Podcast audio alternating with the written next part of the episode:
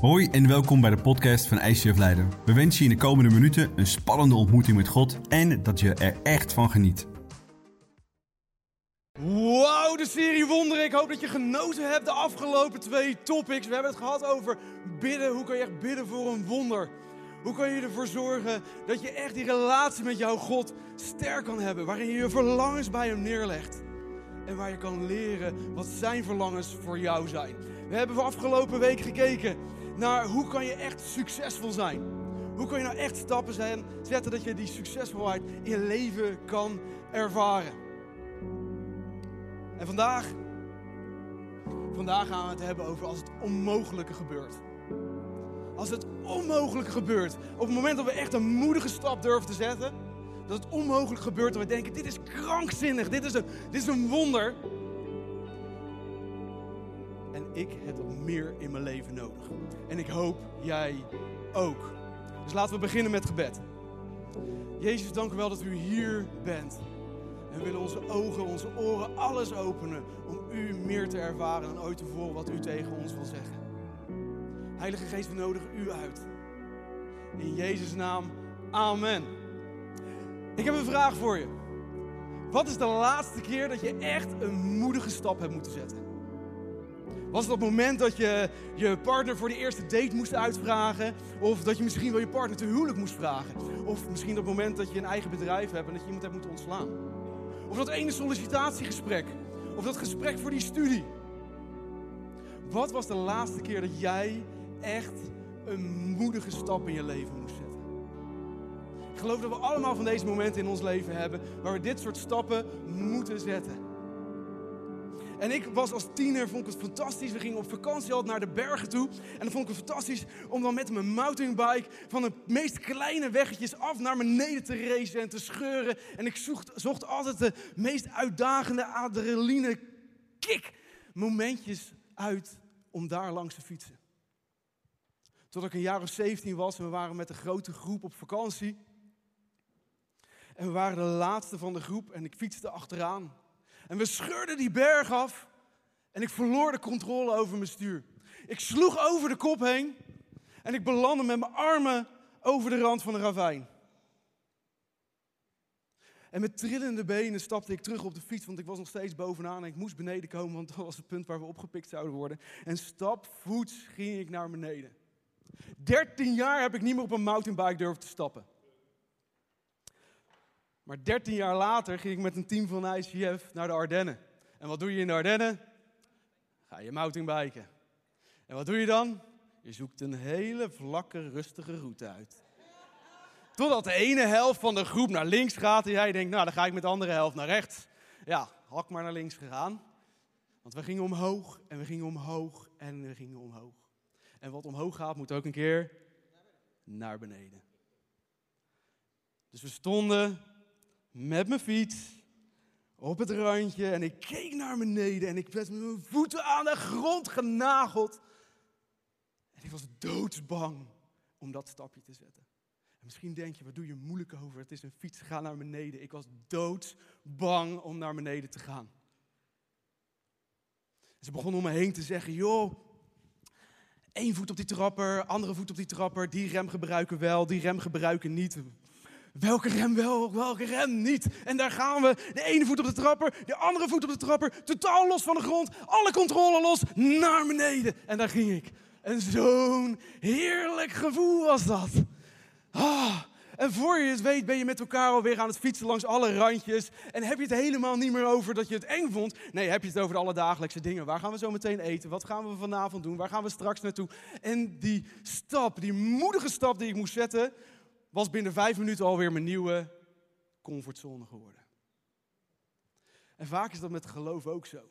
God daagt ons uit om een nieuwe stap te zetten. En we moeten alle moed bij elkaar verzamelen om die stap te zetten. En we zetten die stap en voor het weten is het onze nieuwe comfortzone geworden. En zijn we er eigenlijk alweer aan gewend geraakt. Maar soms zijn er van die momenten in ons leven dat we voor iets staan en denken, dit is onmogelijk. En dit zijn de dingen die krankzinnig lijken totdat je ze gedaan hebt. Kijk naar het verhaal van de Wright Brothers.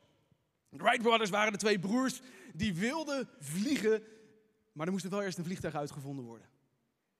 Dus stel je voor, je woont in dat dorpje van de Wright Brothers. En die twee broers, die rennen weer op een dag voor de zoveelste keer met een nieuw bouwwerk. Dat die schuur uit en ze gaan die heuvel op. En twee minuten later... Hoor je de ambulance voorbij gaan en weet je dat ze alweer richting het ziekenhuis gaan. Omdat ze voor de zoveelste keer zijn neergestort.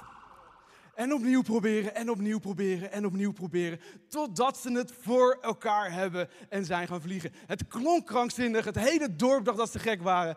Totdat ze het gedaan hadden. Denk aan Felix Baumgartner.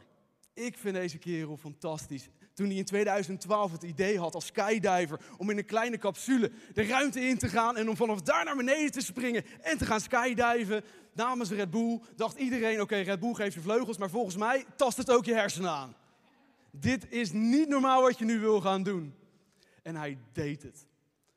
De streams van YouTube lagen bijna helemaal plat. Het was fantastisch om te zien. Deze man die sprong naar beneden en kwam heel huid beneden aan. Het klinkt krankzinnig, totdat het gedaan is. Denk aan de oprichters van Amazon. Die in de jaren 90 al van plan waren om de boeken online uit te gaan brengen. En iedereen zei, je bent gek jongen. Mensen willen een boek ruiken. Ze willen een boek voelen. Ze willen een boek in hun handen hebben. Ik heb thuis op dit moment geen boekenkast meer. Want ik heb al mijn boeken digitaal. Het idee is krankzinnig, totdat het gedaan is. En zo vaak zien we ditzelfde principe terug. Mensen worden geroepen met een idee, worden geroepen door God en iedereen zegt, dit is crazy, dit kan je niet doen. En nu zeggen we ze, dit waren de pioniers die hebben gedaan wat er moest gebeuren, waardoor wij hier nu van kunnen genieten, waardoor dit er nu is. En in de Bijbel zien we dit zo vaak ook terugkomen. Denk aan het verhaal van Abraham. Abraham was al ruim 100 jaar en die loopt de tent in naar zijn vrouw en die zegt: Sarah, wat ik nou mee heb gemaakt, moet je luisteren. God sprak tot mij en hij zei: Jullie krijgen kinderen, maar niet één of twee. Jullie krijgen zoveel dat u het hele volk zoveel als de sterren aan de hemel. Nou, Sarah moet hebben gedacht: Abraham, oké, nu begin ik wel een beetje te merken dat je een jaar of honderd bent. Mm, dit gaat niet helemaal goed volgens mij. Denk aan het verhaal van Mozes. Mozes studeerde 40 jaar schapologie. Hij was op zijn kudde aan het passen. En op een dag komt hij terug bij zijn schoonvader Jethro en dan zegt hij: Pa, moet je luisteren. Hier heb je de hele kudde schapen terug. Hier heb je mijn ontslagbrief. Want wat ik nou mee heb gemaakt, er stond een, een struik, die stond in vuur. En er kwam een stem uit en die zei dat ik naar Egypte moet gaan. En tegen de farao moet zeggen dat hij zijn volk vrij moet laten gaan. En daarna ga ik dat volk leiden. Waarschijnlijk heeft de schoonvader iets gezegd van, oké, wat voor struik was dit? Welke rook kwam er vanaf en hoeveel heb je daarvan ingeademd? Al deze mensen, op het moment dat ze hierin zaten, wisten nog niet waar het naartoe zou gaan. Wij weten het. Denk aan het verhaal van Noach. Noach die een boot moest bouwen en er waren twee grote problemen. Het had nog nooit geregend en hij had geen flauw idee wat een boot was. En hij begon hem te bouwen. Want God had gezegd, ga die boot bouwen. En iedereen zou hem voor gek hebben verklaard. Het is krankzinnig. Tot op het moment dat het gebeurde. Het lijkt allemaal krankzinnig en wij kennen de verhalen hoe het afliep. Maar zij op dat moment niet. En ze hadden een groot geloof om te doen wat God van hen vroeg. Ze hadden een grote visie en ze wisten, niet mijn idee, maar Gods idee is het beste wat er is. En hier is mijn tweede punt. Wat vandaag gestoord wordt genoemd, krankzinnig wordt genoemd, crazy, geef het een woord, zal later aangezien worden als geloof. En we hebben een persoonlijk verhaal van iemand hier uit deze kerk. Van een vrouwtje die zegt, als mensen jaren geleden tegen mij hadden gezegd waar ik nu op dit moment zou staan, samen met mijn Jezus, samen met mijn God, samen met mijn geloof, had ik gezegd, dit is krankzinnig. Maar het is wel waar. Laten we naar haar verhaal luisteren.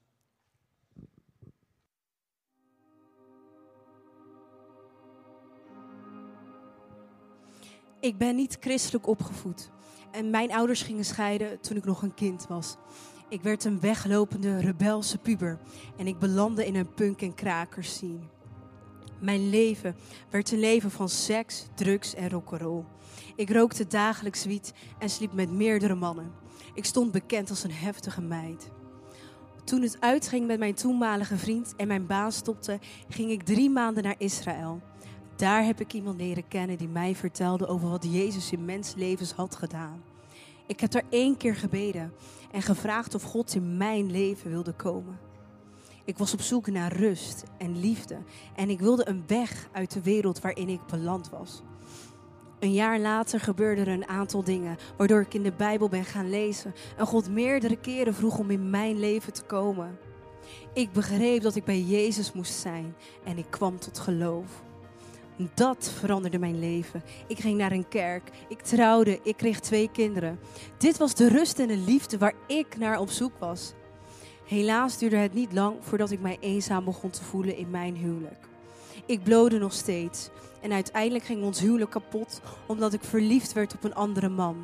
Ik heb mijn man bedrogen en toen mijn dochtertje twee maanden oud was, ging hij weg. Ik was zo boos op God. Ik had er zo lang voor gebeden. Ik ging niet meer naar de kerk. Ik was teleurgesteld in de kerken en in de christenen. Negen jaar na mijn huwelijk kreeg ik een nieuwe vriend. Ook dit bleek geen goed nieuws. Hij was een coachjunk, een dealer, een narcist en een alcoholist. Ik ben ruim zes jaar zijn vriendin geweest. Nadat mijn beide ouders binnen drie maanden overleden, ben ik dagelijks kook gaan snuiven. Uiteindelijk belandde ik in een burn-out. Hoewel ik wegliep van God, heb ik God in deze periode heel intens ervaren. Ik liep weg van God, maar God liep niet weg van mij. Hij liet mij niet los. Toen ik thuis kwam te zitten vanwege mijn burn-out, besefte ik dat het tijd was om mijn kookgebruik af te bouwen. En dat terwijl ik dagelijks naast een vriend zat en tussen gebruikende klanten zat en mij omringd had met schalen vol met kook, kikte ik langzaam maar zeker af. Toen ik het twee jaar later uitmaakte, kreeg ik het verlangen om weer terug te gaan naar de kerk. Ik maakte een deal met God. Ik ging door met blowen, tenzij God mij zou zeggen dat ik moest stoppen. Na anderhalf jaar liet God mij weten dat het tijd was om te stoppen. Vanaf dat moment heb ik anderhalf jaar diverse pogingen gedaan om te stoppen. Het lukte me niet op mijn eigen kracht. Uiteindelijk heb ik in de kerk gevraagd of mensen hier samen voor mij wilden bidden. En na dat gebed heb ik nooit meer gebloot. Dat is nu ruim 3,5 jaar geleden. En sinds dat moment is mijn leven pas echt veranderd. Ik blow mijn angsten niet meer weg. Ik bid ervoor. Ik geef mijn tiende weg en toch nog kom ik nooit geld tekort. Ik heb echt gemerkt, God voorziet. Hij geeft mij liefde. Hij geeft mij rust. Ik heb mijn vriendschappen kunnen hernieuwen. Ik heb mijn kinderen om vergeving kunnen vragen. En ik heb geleerd om mijn grenzen aan te geven. Ik heb nog nooit zoveel contact gehad met mijn broers en zussen. Ik sta zoveel positiever in het leven. En ben God zo ontzettend dankbaar. En ik weet zeker dat God nog veel meer moois in mijn leven gaat doen.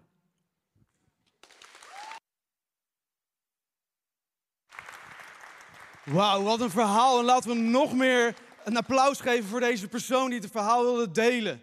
Dus come on. Dank dank je wel voor dit fantastische verhaal. En zo vaak hebben we van die momenten in ons leven, en misschien herken je het, dat de Heilige Geest een flitsgedachte geeft. Zo'n zo'n moment dat je zegt, deel dit met die persoon. Vertel die persoon over Jezus. Vertel wat Jezus voor jou heeft gedaan in je leven. En het eerste wat je denkt, dat ga ik niet doen. Dat is niet logisch. Wat denkt die persoon misschien straks wel van mij dan? We gaan direct in discussie met onze eigen gedachten. We gaan direct in discussie met onze eigen logica. Is het wel logisch? Is het wel wat ik moet doen? Maar als je deze gedachte hebt, ik wil je echt aanmoedigen om deze flitsgedachte van de Heilige Geest, als hij dit bij je ingeeft, om erop in te gaan hoe niet logisch het vaak ook klinkt omdat dat de momenten zijn waardoor God door je heen wil werken en een wonder bij anderen teweeg wil brengen. Net zoals in dit verhaal, dat de mensen die om haar heen gingen staan, voor haar zijn gaan bidden. Dat daar het verschil is gekomen in haar leven. Laten we kijken naar wat de definitie is van geloof. Want geloof is wat we daarvoor nodig hebben. We lezen in de Bijbel, wat is geloof? Het is de zekerheid dat onze hoop werkelijkheid wordt. Het is de zekerheid dat onze hoop werkelijkheid wordt.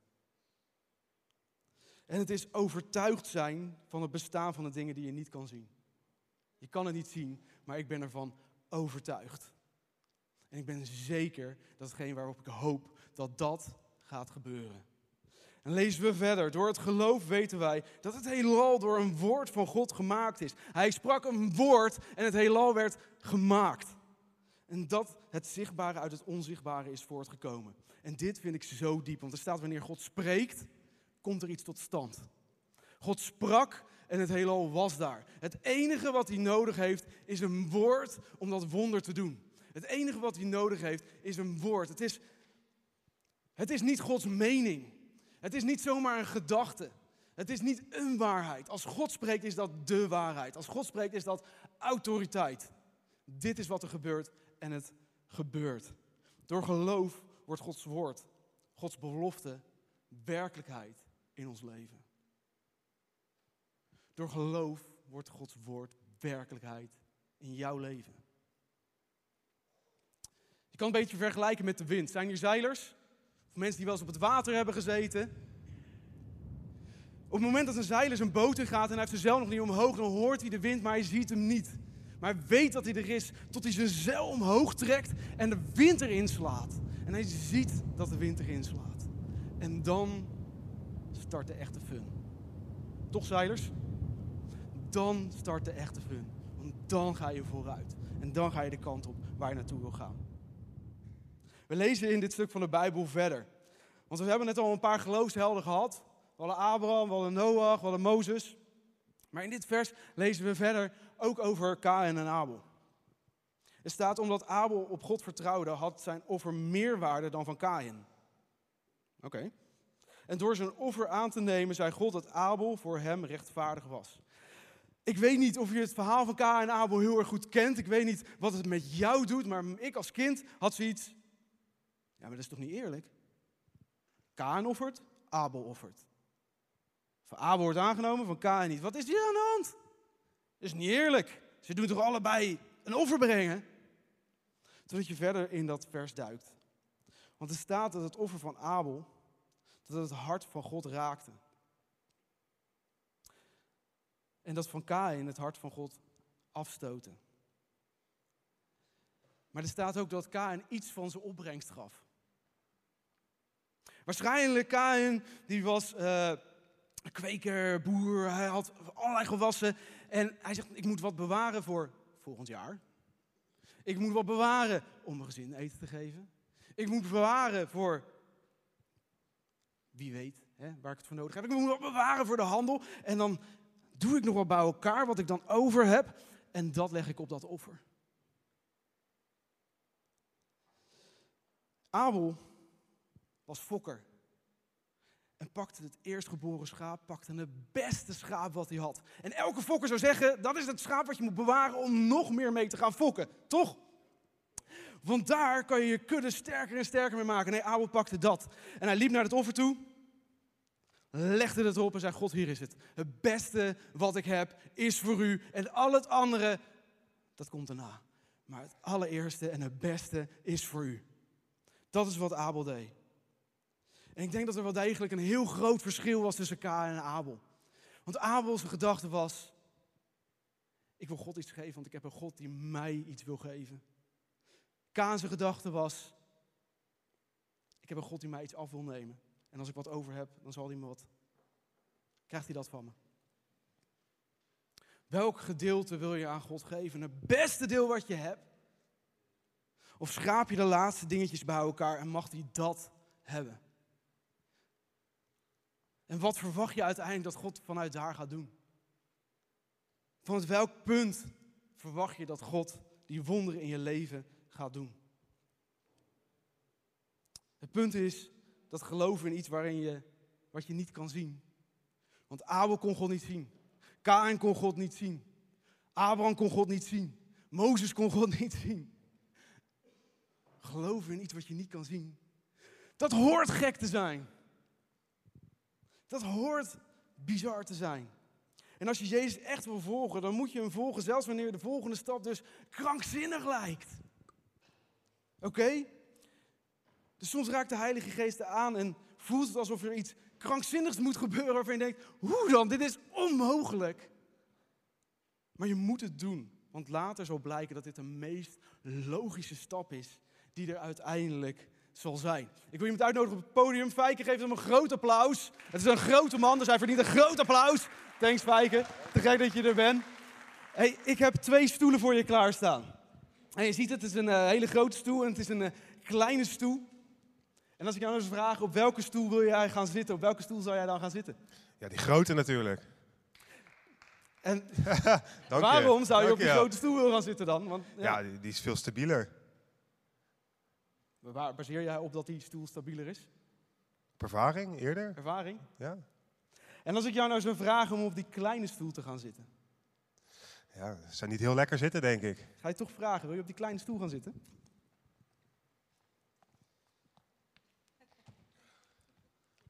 Is die blijven zitten? Oké, gelukkig. Awesome. Ja, hij kraakt een beetje, maar hij zit goed, hè? Kom maar weer staan. Nu ben je toch op die kleine stoel gaan zitten, terwijl je zijn mijn ervaring zegt dat ik op die grote moet gaan zitten. Waarom ben je op die kleine stoel gaan zitten? Omdat ik je vertrouwde. En dat is precies waar het om gaat. Vaak maken we onze keuzes. Je mag weer lekker gaan zitten. Geef hem een applaus, guys. Dank je. Dankjewel. Vaak maken we onze keuzes op basis van ervaring. Ons dagelijks leven maken we bijna al onze keuzes, want zo doen we het altijd. Zo heb ik er goede gevoelens bij. Zo heb ik altijd goede ervaringen mee. En als God dan opeens zegt wat niet logisch is, dan raken we in strijd met onze hoofd en met onze gedachten. Moet ik links, moet ik rechts, moet ik dit echt wel gaan doen? En ik volg liever mijn eigen gedachten. En begrijp me niet verkeerd, niet altijd zegt God continu de dingen die niet logisch zijn. Er zegt ook heel veel dingen die heel logisch zijn. Maar op het moment dat hij iets zegt wat niet logisch is. Maar geloof is de zekerheid dat alles waarop we hopen uiteindelijk werkelijkheid wordt. Toch? Dat is wat we net lazen. En dat we overtuigd zijn van die waarheid die we niet kunnen zien. Ik wil deze message afsluiten met het verhaal van Bartimaeus. En misschien ken je het verhaal van Bartimaeus. Bartimaeus had één heel groot probleem. Hij was blind. Hij kon niet zien. Laten we in zijn verhaal duiken en zoveel mogelijk in de sfeer raken. Licht uit, ogen dicht. Langs de weg zat een blinde bedelaar, Bartimaeus. En zodra deze hoorde dat Jezus van Nazareth eraan kwam, begon hij te schreeuwen. Jezus, zoon van David, heb medelijden met me. Hou je mond, snauwden de mensen. Maar Bartimaeus trok er zich niet van aan en hij schreeuwde nog harder. Jezus, zoon van David, heb medelijden met mij. Jezus bleef staan. En hij zei, roep hem bij me. En ze riepen de blinde man. Je boft, zeiden ze. Kom, hij roept je. En de man gooide zijn jas neer, sprong op, liep naar Jezus toe. En Jezus zei, wat kan ik voor u doen? Och heer, antwoordde de blinde man. Ik wil zo graag kunnen zien. Dat kan, zei Jezus. Omdat u op mij vertrouwt, bent u genezen. En op datzelfde moment kon de man weer zien en hij ging met Jezus mee naar Jeruzalem. En weet je wat ik gek vind aan dit verhaal? Bartimaeus kon helemaal niet zien wat voor wonderen Jezus allemaal aan het doen was in de stad. Hij had de wonderen nog helemaal niet gezien, want hij was blind en alle andere mensen om hem heen hadden kunnen zien wat Jezus allemaal deed. Maar hij wist, dit is Jezus en Jezus kan voor mij een wonder doen. En dat had twee redenen. Er staat, Jezus kwam uit Nazareth. Bartimaeus wist dat Jezus uit Nazareth kwam. En het Oude Testament, de profetieën beloofden dat de redder uit Nazareth zou komen. Het tweede is, er staat, Jezus, zoon van David, heb medelijden met mij. En opnieuw in het Oude Testament stond, Jezus zou uit de lijn van David komen. Dus Bartimaeus wist, deze Jezus die al deze wonderen deed, dat is niet zomaar iemand. Dat is niet iemand die een trucje doet. Dat is niet iemand, dat is de redder. Dat is de man die mij kan genezen. En in zijn hart zag hij wat niemand anders in deze stad kon zien. In zijn hart had hij het al het geloof, zonder dat hij had kunnen zien wat Jezus allemaal deed. Geloof is de zekerheid dat alles waarop we hopen werkelijkheid worden. Alles. En het overtuigt ons van de waarheid die we nog niet kunnen zien. Van wat Bartimeus nog niet kan zien. En van de waarheid die jij op dit moment misschien ook nog helemaal niet kan zien. Waarvan je weet, God heeft het mij beloofd. Dus vertel me niet wat mijn God niet kan doen. Vertel me niet wat hij niet kan doen. En hier komt een heel belangrijk detail als het gaat om wonderen. Want vaak wanneer Jezus mensen genas, deed hij twee dingen. Het eerste wat hij deed was vragen, wat kan ik voor je doen? Kom op Jezus, Bartimeus staat voor je. De hele stad weet het, hij is blind. Wat kan je voor hem doen? Maar Jezus wil dat je hem vertelt wat hij voor jou kan doen. Hij wil dat je die stap zet naar hem toe. Dat je die stap zet en zegt, Jezus, dit is mijn verlangen. Dit is wat ik van u vraag. Dit is wat ik in mijn leven wil zien gebeuren. Dit is wat ik in mijn gezin wil zien gebeuren. Dit is wat ik in mijn financiën wil zien gebeuren. Dit is wat ik op mijn werk, wat ik in mijn kerk wil zien gebeuren. Hij wil het van je horen. Waarom? Omdat er moed voor nodig is. We moeten moedig zijn. We moeten die ene stap op die trapper zetten en die andere stap op die trapper zetten. Die controle loslaten en die berg afgaan. Samen met Hem. Om die wonderen echt in ons leven te zien gebeuren. Om dat onmogelijke te zien gebeuren. En het heeft alles te maken met geloof. Alles. En het is geen waanzinnig geloof wat je hebt. Tot het begint dat je het in woorden gaat vatten. Tot je het begint uit te spreken. Dan wordt je geloof waanzinnig. En nu komt het tweede belangrijke detail. Bij de meeste wonderen die Jezus deed, gebruikte Jezus alleen zijn woorden. Hij hoefde ze niet eens aan te raken. Het was zijn woord. Het was zijn waarheid die hij sprak en het gebeurde. Het vond plaats. Het was zo krachtig en het was meer dan genoeg. Dus ik wil je vragen, wat is jouw wonder? Wat is jouw verlangen? Wat wil jij aan Jezus vragen? En ik wil je nu het moment geven om, pak er iets bij, een notitieblok, een, een mobiel, schrijf het op. Schrijf op wat je van Jezus verlangt. Ik heb nog een QR-code voor je meegenomen. Die verwijst je naar het gebedsteam. Scan hem. Schrijf in het formulier op wat jouw verlangen is. Welk wonder jij wil zien gebeuren. Op welk vlak van je leven dan ook. En laat ervoor bidden. Laat het ervoor bidden en spreek het uit naar Jezus. Vertel hem wat er zo dicht op jouw hart ligt. En wacht niet meer. Wacht niet meer. Wacht niet. Hij wacht al lang op jou. Ik deze mes eindigen met een gebed. Of eigenlijk heel veel kleine gebeden bij elkaar. Dat zijn de gebeden uit het boek Psalmen. En als we kijken naar de psalmen, dan is David zo intens gevoelig. Maar letterlijk gevoelig all over the place. Al zijn frustratie, al zijn boosheid, al zijn woede. Alles gooit hij bij God neer. Waar hij ook doorheen gaat. Alles geeft hij aan hem. Er is altijd één woord wat er achteraan komt. Er is altijd één woord wat achter al die frustraties, al die woede, alles wat hij voelt, wat er achteraan komt.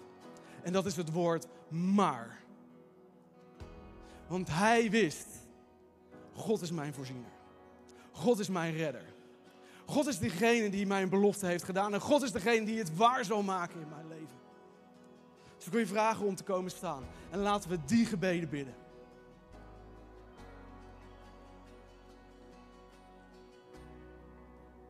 En laten we beginnen met die psalmen.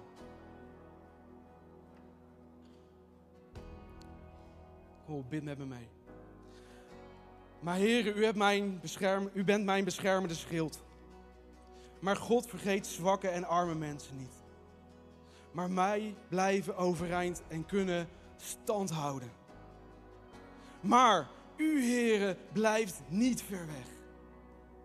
Want zijn toorn duurt niet lang. Maar zijn liefde mogen wij ons hele leven ervaren. S'avonds is er droefheid, maar s'morgens klinkt er gejuich. Maar ik vertrouw op u, Heere. Ik zeg u, u bent mijn God. Maar u hebt mijn smeekbeden gehoord toen ik om hulp vroeg. Maar wij, maar wie de Heere zoekt, komt niets tekort. Maar de Heere zal altijd voor uitredding zorgen. Maar wie uitziet naar de Heere, zal alles ontvangen waar zij nodig, wat ze nodig hebben. Maar wij, mij zal God vrijkopen uit de macht van het dodenrijk. Maar ik stel mijn vertrouwen op uw God. Maar ik wil uw kracht bezingen. Maar God heeft mij wel degelijk naar mij geluisterd. En het is dat moment waarop David zegt. En het is dat moment waarop ik zeg: Dit is mijn God. Dit is mijn belofte. Dit is wat hij door mij heen wil doen. En dit is waar ik doorheen ga. En dat is waarom ik iedere dag als ik opsta mijn geestelijke wapenuitrusting aantrek. Waarop ik mijn helm van de redding aantrek. Waarop ik mijn harnas van rechtvaardigheid aantrek. Waarop ik mijn schild van geloof bij me heb. Waarop ik mijn riem van waarheid draag. Waarop ik mijn schoenen van bereidheid aantrek om daar naartoe te gaan waar Jezus me naartoe wil hebben. En mijn zwaard, mijn tweezijend zwaard in het hand neem. Waarom? Om me los te snijden van mijn eigen logica. Om me los te snijden van de dingen die ik denk. En daar te komen waar God me wil hebben. Zijn wonderen te zien in mijn leven. Zijn krankzinnigheid in mijn leven te zien gebeuren. Laten we hem daarin alles geven. Volop in aanbidding. Waar jij nu ook op dit moment bent, bid met me mee. Vader, dank u dat u een liefdevolle God bent. Dank u dat u een God bent. Die met zoveel liefdevolle ogen naar me kijkt. Daar naartoe wil brengen. Waar ik die wonderen mag zien. Waar ik die wonderen mag meemaken in mijn leven. Waar wonderen de meest normale situaties zijn die in mijn leven plaats zullen vinden. In mijn relaties. In mijn huwelijk. In mijn gezin met mijn kinderen. Op de plekken waar ik genezing heb, lichamelijk of geestelijk.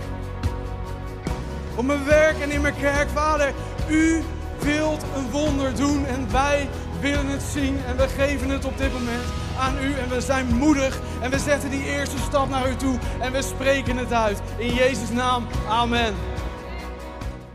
Wij hopen dat deze podcast je heeft geïnspireerd en verder geholpen heeft in je relatie met God. Wanneer deze podcast je geraakt heeft en je de inhoud ervan wilt helpen verspreiden, deel dan deze aflevering op jouw favoriete social media platform. Op deze manier horen meer mensen over Jezus en deze boodschap van hoop. Je kunt ons ook financieel ondersteunen, waardoor we een maximaal bereik krijgen op het internet en nog meer mensen nieuwe hoop krijgen. Bedankt voor alles wat jij mogelijk maakt. We geloven dat kerk een familie is, dus of je nu live erbij bent of online meeluistert, we willen jou graag persoonlijk leren kennen. Als we jou persoonlijk verder kunnen helpen, dan horen we dat graag. Check voor info en meer mogelijkheden op onze website. Fijne dag.